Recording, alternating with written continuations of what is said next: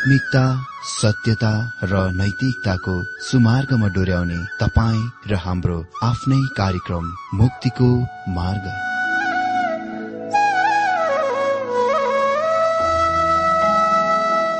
आदरणीय श्रोता यस मुक्तिको मार्ग कार्यक्रममा हार्दिक स्वागत छ। आशा छ यस आत्मिक कार्यक्रमद्वारा जीवनमा आत्मिक आशिष अलौकिक शान्ति र आनन्द प्राप्त गर्नुहुनेछ। र जीवनमा धन्य अनुभव गर्नुहुनेछ। आउनुहोस् श्रोता मन र आत्माको तयारीको लागि यो मिठो अनि मधुर भजन गीत सुनौ।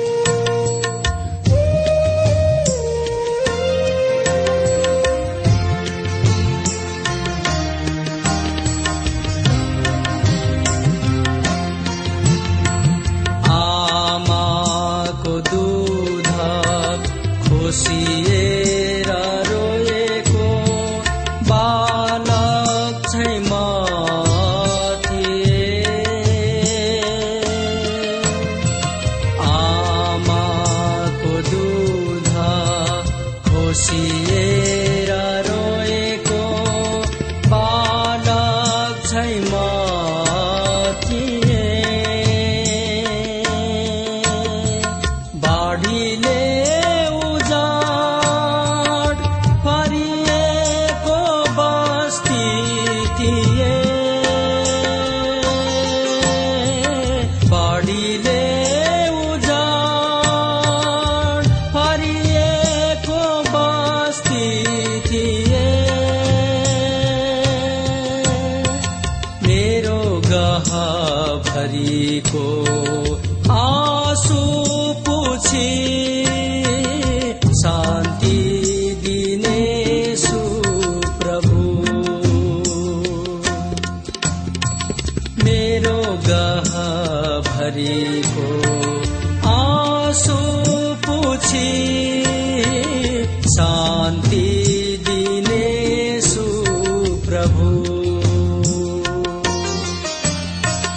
महिमा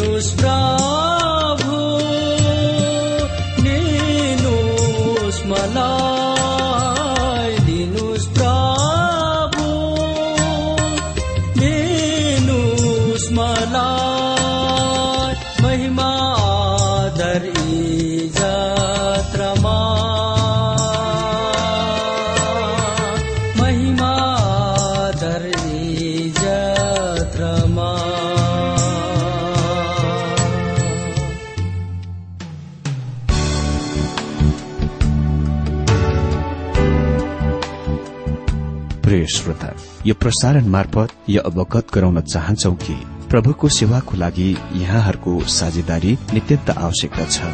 यहाँहरूले प्रार्थनाको साथसाथै आर्थिक सहायता गर्न अनुरोध गर्दछौ। तपाईँहरूको सानो भन्दा सानो भेटी किन नहोस्? हामी प्रभुको नाममा स्वीकार गर्नेछौ प्रभुको सेवाको लागि।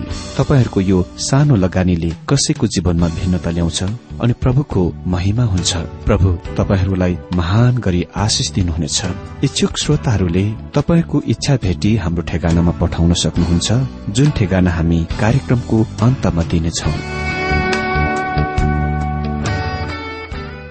श्रोता मित्र प्रभु येशु ख्रिस्टको मधुर अनि सामर्थ्यनामा मेरो जयमसी तथा हार्दिक स्वागत छ आजको यो बाइबल अध्ययन कार्यक्रममा।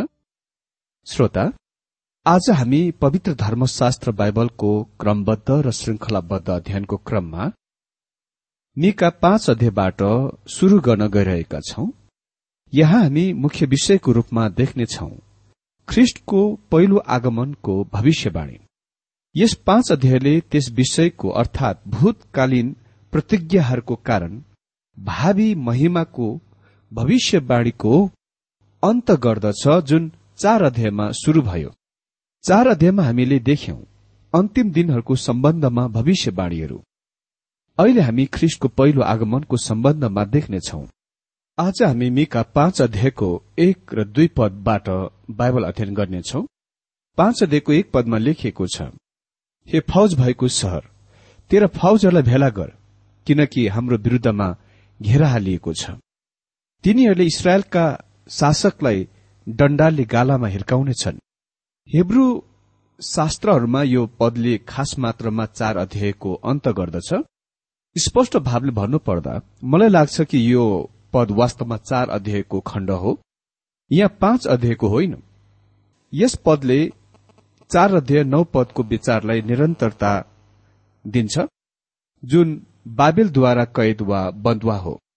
तपाईँलाई यादै होला कि मिकाले चार अध्यायको अन्तिम पदमा बाबेलको सैनिकहरूको आक्रमणको आतंक र अन्तिम दिनहरूमा हुन गइरहेको महाक्लेश अवधि र आर्मगदोनको युद्धको आतंकको बारेमा बताएका छन्। अलि यस पाँच अध्यायको एक पदमा उसले बाबेलका सैनिक आक्रमणको विचारलाई फेरि टिप्दछन्। लेखिएको छ त पर्खाले घेरिस। म विश्वास गर्दछु यसले यरुसलेमको विरूद्ध बाबेलका सैनिकको कब्जा घेराबन्दीको संकेत गर्दछ। भनिएको छ तिनीहरूले इसरायलका न्यायकर्तालाई फलामको डण्डाले गालामा हिर्काउनेछन्। त्यहाँ कोही कोही छन् जसले विचार गर्दछन् कि यहाँ उल्लेखित न्यायकर्ताले प्रभु येशु ख्रिष्टलाई संकेत गर्दछ। तर सुसमाचार रेकर्डमा हामी पढ्छौं कि तिनीहरूले उहाँलाई हातले हिर्काए। फलामको डण्डाले होइन न ख्रिष्टलाई कुनै घेराबन्दीमा हिर्काइयो। उहाँलाई विदेशी शत्रुद्वारा हिर्काइएन तर उहाँका आफ्नै जातिद्वारा हिर्काइए। म विश्वास गर्दिन कि यसले ख्रिस्टको पहिलो आगमनमा उहाँको अभद्र व्यवहारलाई संकेत गर्न सक्छ। यो मलाई स्पष्ट देखाइ पर्दछ कि इसरायलका न्यायकर्ताले दाउदको लाइनको अन्तिम राजा सिटकियाको संकेत गर्दछ। दोस्रो राजा पच्चिस अध्ययको सात पदमा हामी पढ्छौं सिटकियाका छोराहरू तिनकै नजरको सामने मारे त्यसपछि तिनका चाहिँ आँखा निकालिदिए र तिनलाई पितलको संगाले बाँधेर बाबेलमा लगे। म विश्वास गर्दछु मिकाले सर्वनाक व्यवहारको संकेत गरिरहेका छन् जुन सिटकियाले त्यस समयमा पाएथे यसले दाउदको वंश वा लाइनको अन्ततिरको संकेत गरेको देखिन्दछ। तर सिटकिया अझै सिधै त्यो लाइन वा वंशमा थिएनन्। तपाईँलाई यादै होला यहौ आकिमले बाबेलको राजाको विरूद्ध आक्रमण गरे। उनी सर्वप्रथममा बाबेलको राजा नबुकनेश्वरको विरूद्धमा उभे खड़ा भए। त्यसपछि बाबेलको राजा नबुकनेश्वरले यहौ आकिमलाई कैद वा बन्दुवामा लग्यो। त्यसपछि यहौ आकिमलाई सिंहासनमा राखियो स्थापित गरियो। पछिबाट उसलाई पनि कैद वा बन्दोमा लगियो। दोस्रो राजा चौबिस अध्ययको पन्ध्र पदमा हामी पढ्छौं। तिनले यहो याकिनलाई कैद गरेर बाबेलमा लगे। तिनले राजमाता तिनका पत्नीहरू तिनका नपुसकहरू र देशका अग्र गण्य मानिसहरूलाई यरुसलेमबाट कैद गरेर बाबेलमा लगे। कसले? नबुकनेश्वरले यो दाउदको वंश वा लाइन थियो जुनलाई कैद गरी बाबेलमा लगियो। अनि यस लाइन वा वंशबाट दुवै युसुफ येशु प्रभुको आमा मरियम आएथ्यो त्यसपछि नबुकनेश्वरले सितकिया जो यहौ आकिनका काका थिए यरुसलेममा सिंहासनमा स्थापित गरे। जब उसले पनि बाबेलको विरूद्ध विद्रोह गरे यरुसलेममा हुने राजाहरूदेखि दिक्क भए त्यसकारण उसले अर्थात नबुकनेश्वरले सितकियालाई लिए पक्रे र उसका सबै छोराहरूलाई उसकै आँखाको सामने मारे र उसलाई पनि बाबेलमा कैदी बनाएर लगे। तपाईँले यस सर्वनाश अनुभवबाट यस्तो अनुमान गर्नुभयो होला कि परमेश्वरले दाउदलाई प्रतिज्ञा गर्नुभएको दाउदको वंश वा लाइनबाट सधैँको लागि शासन गर्नलाई एकजना आउनुहुनेछ भन्ने कुरा पूरा हुन सकेन वा कहिले पनि पूरा हुने छैन? सायद हामीले यसरी विचार गर्दछौ होला होइन? तर हामी निम्न पदहरूमा देख्छौं भने हामी देख्छौ ख्रिष्टको पहिलो आगमनको प्रतिज्ञा। हजुर। यो यही बडा दिनको क्रिसमास कथाको एक भाग हो। यदि तपाईँले यसको डिसेम्बरमा पढिरहनु भएको छैन भने तपाईँलाई यस्तो लाग्ला तपाईँले अनुचित समय चुन्नु भएको छ। तर हामी लगभग पूर्ण निश्चय हुन सक्छौ यसो डिसेम्बर पच्चिसमा जन्मनु भएन त्यस दिन चाहिँ उहाँको जन्मलाई हिउँदसँग पहिचान गर्न कोशिश गर्न चुनिएको छ। तर यो बरु अधिक धेरै सम्भव छ कि उहाँ वसन्त ऋतुमा जन्मनुभयो किनभने डिसेम्बरमा भेडा गोठालाहरू आफ्ना भेडाहरूको बगालहरूलाई लिएर पहाड़ी स्थानहरूमा चराउन लैजाँदैनन्। भेडाहरूलाई ओडारहरूमा राखिन्दछ जुन त्यस क्षेत्रमा पर्याप्त रूपमा पाइन्दछन्। करिब पाँच सौ बत्तीस इस्वी सम्बत क्यालेण्डर पात्रो स्थापित गरियो जुन हामीले आज प्रयोग गर्ने क्यालेण्डर वा पात्रोको युक्ति युक्तताको प्रतिरूप हो वा प्रतिकपी हो। यो सालमा वा वर्षमा दिनहरूको संख्याको लागि वैदिक तरिकाले स्थापित गरिएको थियो राखिएको थियो। र त्यही कारण त हामीसँग हरेक समय अवधि अधिक वर्ष छ। र त्यही कारण त हामीसँग हरेक समय अधिक वर्ष धेरै वर्ष छ। ईस्वी सम्बत सत्र सौ बाहन्नमा क्यालेण्डर वा पात्रो एघार दिन अगाडि हाम फाल्यो। जर्ज वासिङटन फेब्रुअरी बाइसमा जन्मेका थिएनन् उनी वास्तवमा एघार फेब्रुअरीमा जन्मेका थिए।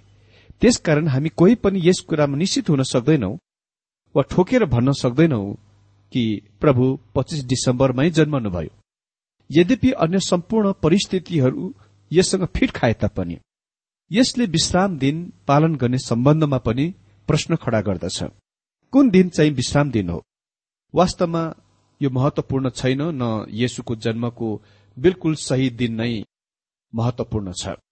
वर्ष वा सालको समय महत्वहीन अनावश्यक छ बरु स्थान नै खास मात्रामा महत्वपूर्ण छ। ख्रिस्ट बेतलेममा जन्मनुभयो। त्यो ऐतिहासिक तथ्य हो। यो तथ्य इतिहासद्वारा सत्यता स्थापित गरिएको छ।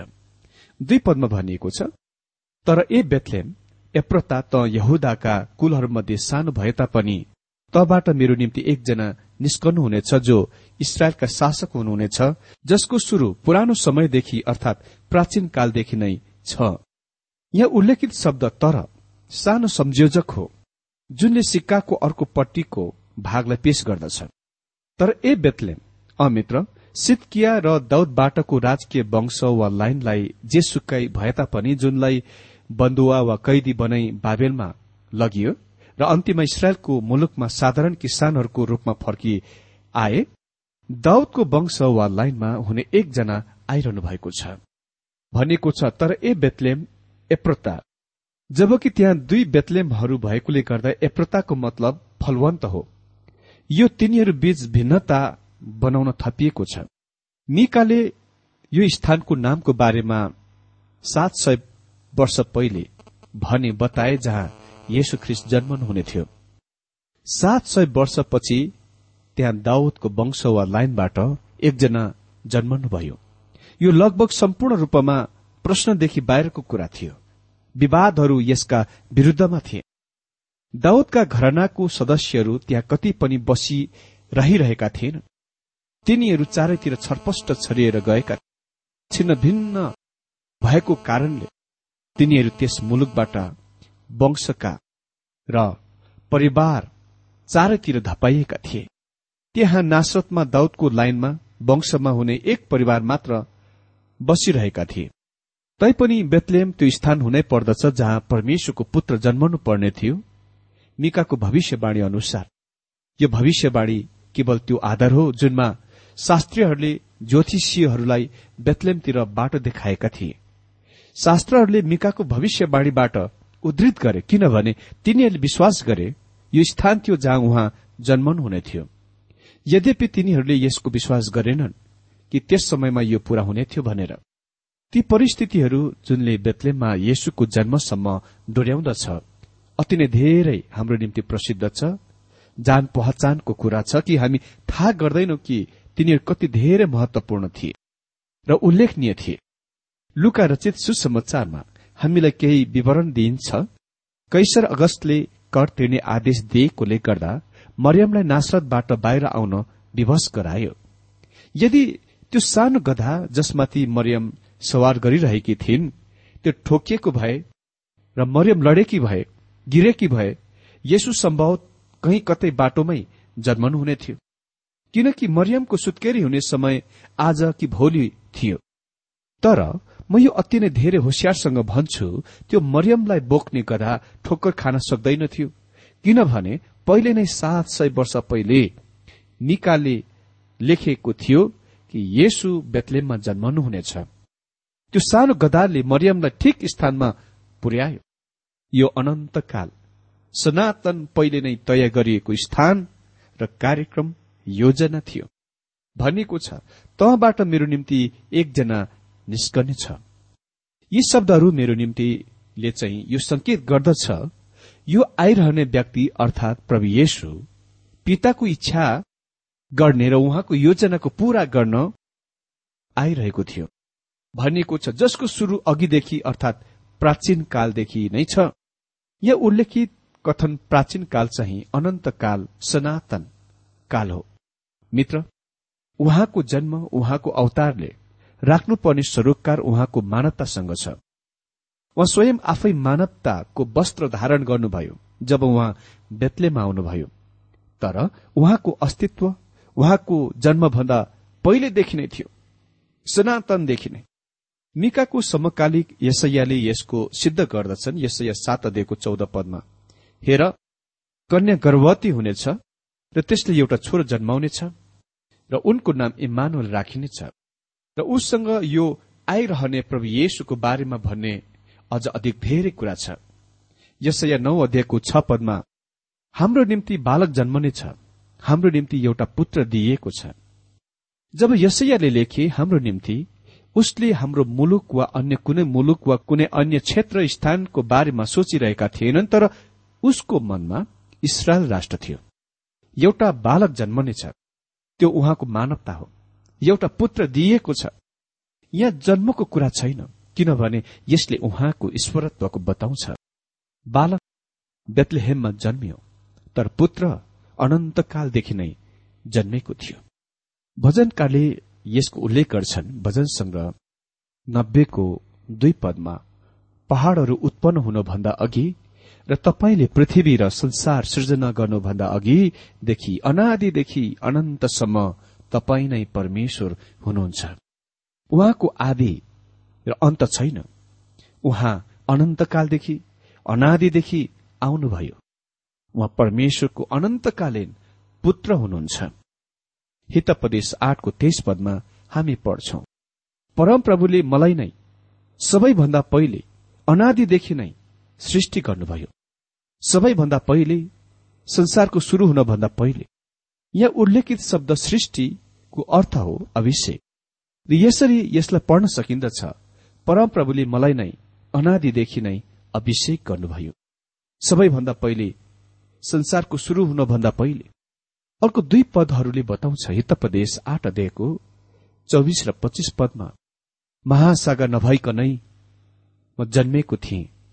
पानीले भरिएको खोला नालाहरूभन्दा धेरै अघि नै पर्वतहरू आफ्नो आफ्नो स्थानमा स्थापित हुनभन्दा पहिले नै पहाड़हरूभन्दा धेरै अघि नै। त्यहाँ कुनै सृष्टि हुनभन्दा अघि नै पहिले नै उहाँ परमेश्वर हुनुहुन्थ्यो। तैपनि सृष्टिमा उहाँ आउनुभयो तोकिएको ठिक समयमा सानो सहर बेतलेममा। प्रभु येशुले भन्नुभयो युहान सोह्रको अठाइस पदमा म पिताबाट निस्के। अनि संसारमा आएको छु। फेरि म संसारलाई छोड्छु र पिता कहाँ जान्छु? मतलब उहाँ अनन्त कालको सनातनको परमेश्वर हुनुहुन्छ। उहाँको आदि र अन्त छैन। उहाँको शुरू र अन्त छैन। उहाँले फरिसीहरूलाई भन्नुभयो युहन्नाको आठ अध्यायको अन्ठाउन्न पदमा अब्राहमभन्दा पहिले म थिएँ। ख्रिस धेरैपल्ट पुरानो नियममा देखा पर्नुभयो। सृष्टितिर पछाडि फर्किजाउँ युहना एक अध्ययको तीन पदमा हामी ख्रिस्टको बारेमा पढ्छौं उहाँको बारेमा। सबै कुराहरू उहाँद्वारा हुन आए अनि हुन आएका कुरा मध्ये कुनै पनि उहाँ बिना हुन आएन। उहाँ सृष्टिकर्ता हुनुहुन्छ। कलसी एकको सोह्र पदमा हामी हाम्रा प्रभुको बारेमा पढ्छौं। किनभने स्वर्गीयमा भएका र पृथ्वीमा भएका कुराहरू देखिने र नदेखिने कुराहरू चाहे सिंहासनहरू चाहे प्रभुत्वहरू चाहे प्रधानहरू चाहे अधिकारीहरू सबै उहाँद्वारा नै सृष्टि गरिएका हुन्। सबै कुराहरू उहाँद्वारा र उहाँकै निम्ति सृष्टि गरिएका हुन्। अदनको बगैँचामा उहाँ परमप्रभुको आवाज हुनुहुन्थ्यो जो बगैँचामा दिनको चिसोमा हिँडिरहेको थियो। उहाँ परमेश्वरको स्पष्ट उच्चारण हुनुहुन्थ्यो। उहाँ परमेश्वरको वचन हुनुहुन्थ्यो। उहाँ परमेश्वरबाट मानिसका संचार हुनुहुन्थ्यो। हामी उहाँलाई पुरानो नियमभरि मानिसको अनुसारमा पाउँदछौ। उहाँ बलिरहेको पोथ्रामा मोसा कहाँ प्रकट हुनुभयो? उहाँले भन्नुभयो म तिमीहरूलाई छुटकारा दिन आउनेछु। म तिमीहरूलाई छुटकारा दिन आएको छु। उहाँ छुटकारा दिनेवाला हुनुहुन्थ्यो। देख्नुभयो यहाँ मिकाले जे कुरा भनिरहेका छन् यो अति नै महान र महत्वपूर्णको छ। यद्यपि उहाँ बेतलेममा दुई हजार वर्ष पहिले जन्मनु भए तापनि जसको शुरू अघिदेखि अर्थात अनादिकाल अनन्तकालदेखि छ। हामीले उहाँको पूर्ण अवतार वा चोलाको बारेमा विचार गरिरहेका थियौं। अहिले उहाँको अवतारमा उहाँको मानव चोलामा हेरौं। जब उहाँ बेतलेममा आउनुभयो उहाँले केही त्यस्तो कुरा पाउनुभयो जस्तो कि उहाँले अघि वा पहिले कहिले पनि पाउनु भएको थिएन। अनि त्यो येसुको नाम थियो। उहाँले मानवताको प्राप्त गर्नुभयो। मानवताको धारण गर्नुभयो र यसो उहाँको मानव नाम थियो। उहाँ यहोबा हुनुहुन्थ्यो। त्यो चाहिँ ईश्वरत्वको नाम हो। उहाँ अहिले येसु हुनुहुन्छ र उहाँ उद्धारकर्ता हुनुहुन्छ। उहाँ बचाउन उद्धार गर्नलाई बेतलेमबाट आउनुभयो। यो कुराको याद राख्नुहोस्। स्वर्गीय दूतहरूले गोठालाहरूलाई भने लुका दुई अध्ययको एघार पदमा किनकि आज तिमीहरूका निम्ति दाउदका शहरमा एकजना मुक्तिदाता जन्मनु भएको छ जो ख्रिस प्रभु हुनुहुन्छ। मती एक अध्ययको तेज पदले भन्छ। हेर एउटा कन्या गर्भवती हुनेछ अनि एउटा पुत्र जन्माउनेछन् अनि तिनीहरूले उहाँको नाम इम्मानुअल राख्नेछन् जसको अर्थ हो परमेश्वर हामीहरूसित। तर उहाँको नाम येसु हुनुपर्ने थियो। उहाँ येसु हुन सक्नुहुन्न जबसम्म उहाँ इम्मानुअल हुनुहुन्न। जुनको अर्थ हो परमेश्वर हामीसित। हाम्रो स्थान लिन हाम्रो प्रतिनिधि हुन प्रतिस्थापक मृत्यु वा सट्टाको मृत्यु मन वा मानिस हुनै पर्छ। अन्य भविष्य वक्ताहरूको पुस्तकहरूमा मसिहाको आगमनको बारेमा धेरै भविष्यवाणीहरू छन् जुन पूर्ण रूपमा असम्बद्ध र एक आपसमा खण्डन जस्तो देखिन्दछन्। कसरी तिनीहरू सबै पूरा हुन आए त? यद्यपि बेतलेमलाई क्रिसको जन्मस्थानको रूपमा नाम उल्लेख गरिए तापनि उहाँको जन्मसँगको सम्बन्धमा हामीलाई भनिएको छ। रामामा रुवावासी हुनेछ जुन स्थान बेतलेमको उत्तरतिर पर्दछ। साथै उहाँलाई मिश्रबाट बोलाइनेछ र उहाँलाई नासरी भनिनुहुनेछ। यी सम्पूर्ण भविष्यवाणीहरूको लागि सत्य हुनलाई पूर्ण रूपमा असम्भव देखिन्दछ। कसरी खास स्थानमा फिट हुन सक्छ त मिल्न सक्छ त? हजुर मतीले हामीलाई यसको विवरण दिन्छन् र परिस्थितिहरूमा कुनै तान्तुन बेगर।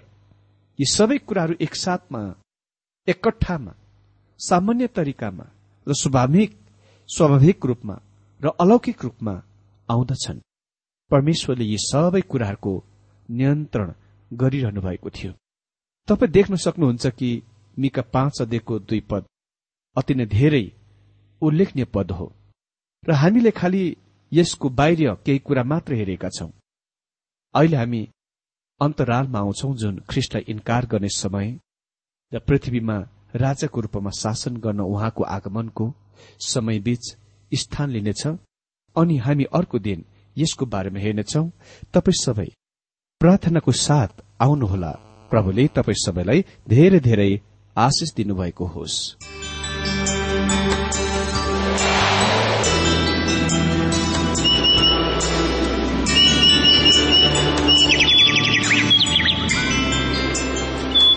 प्रिय श्रोता अहिले भर्खरै तपाईँले टीडब्ल्यूआर नेपालद्वारा सञ्चालित आत्मिक कार्यक्रम मुक्तिको मार्ग सुनिरहनु भएको थियो। श्रोता आजको यो कार्यक्रम सुनेर तपाईँलाई कस्तो लाग्यो? यदि यो कार्यक्रम सुनेर मनमा कुनै खुल्दुली वा कुनै प्रतिक्रिया अर्थात सुझावहरू छन् भने हामीलाई पत्रद्वारा लेख्न सक्नुहुनेछ।